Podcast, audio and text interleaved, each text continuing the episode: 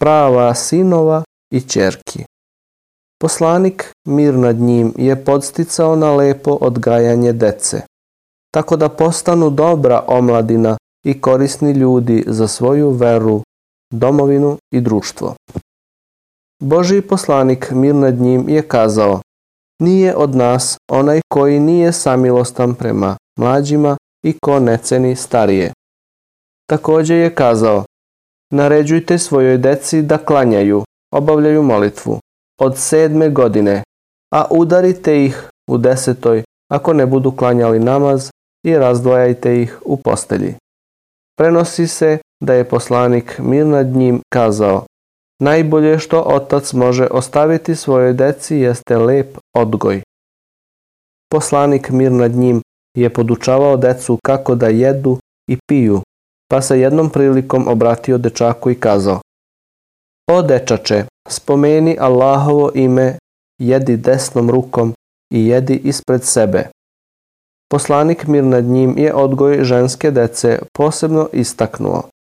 A Iša je kazala, jednom prilikom je kod mene ušla žena i sa njom dve ćerke, tražeći nešto, a ja nisam imala ništa drugo osim jedne hurme, pa sam je dala ženi a ona ju je raspolovila i dala čerkama, a sebi nije uzela.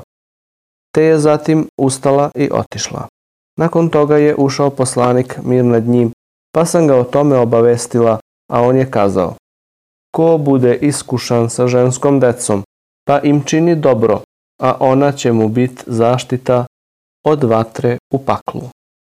A u predaji od Tirmizija stoji Ko bude iskušan ženskom decom, pa se strpi, ona će mu biti zastor od vatre.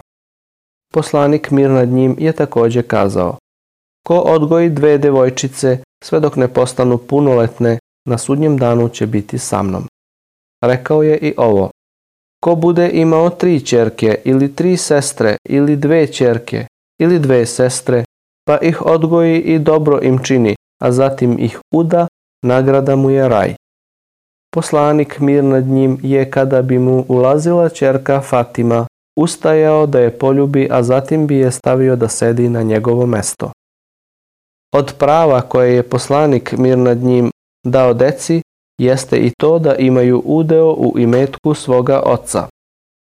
Navodi se da je Sad ibn Ebi Vekas hteo da udeli dve trećine svoga imetka na Božjem putu, pa je poslanik mir nad njim kazao da to ne čini.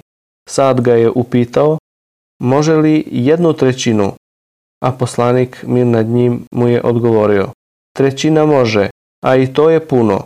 Bolje ti je da svoje naslednike ostaviš bogate nego siromašne pa da traže od ljudi.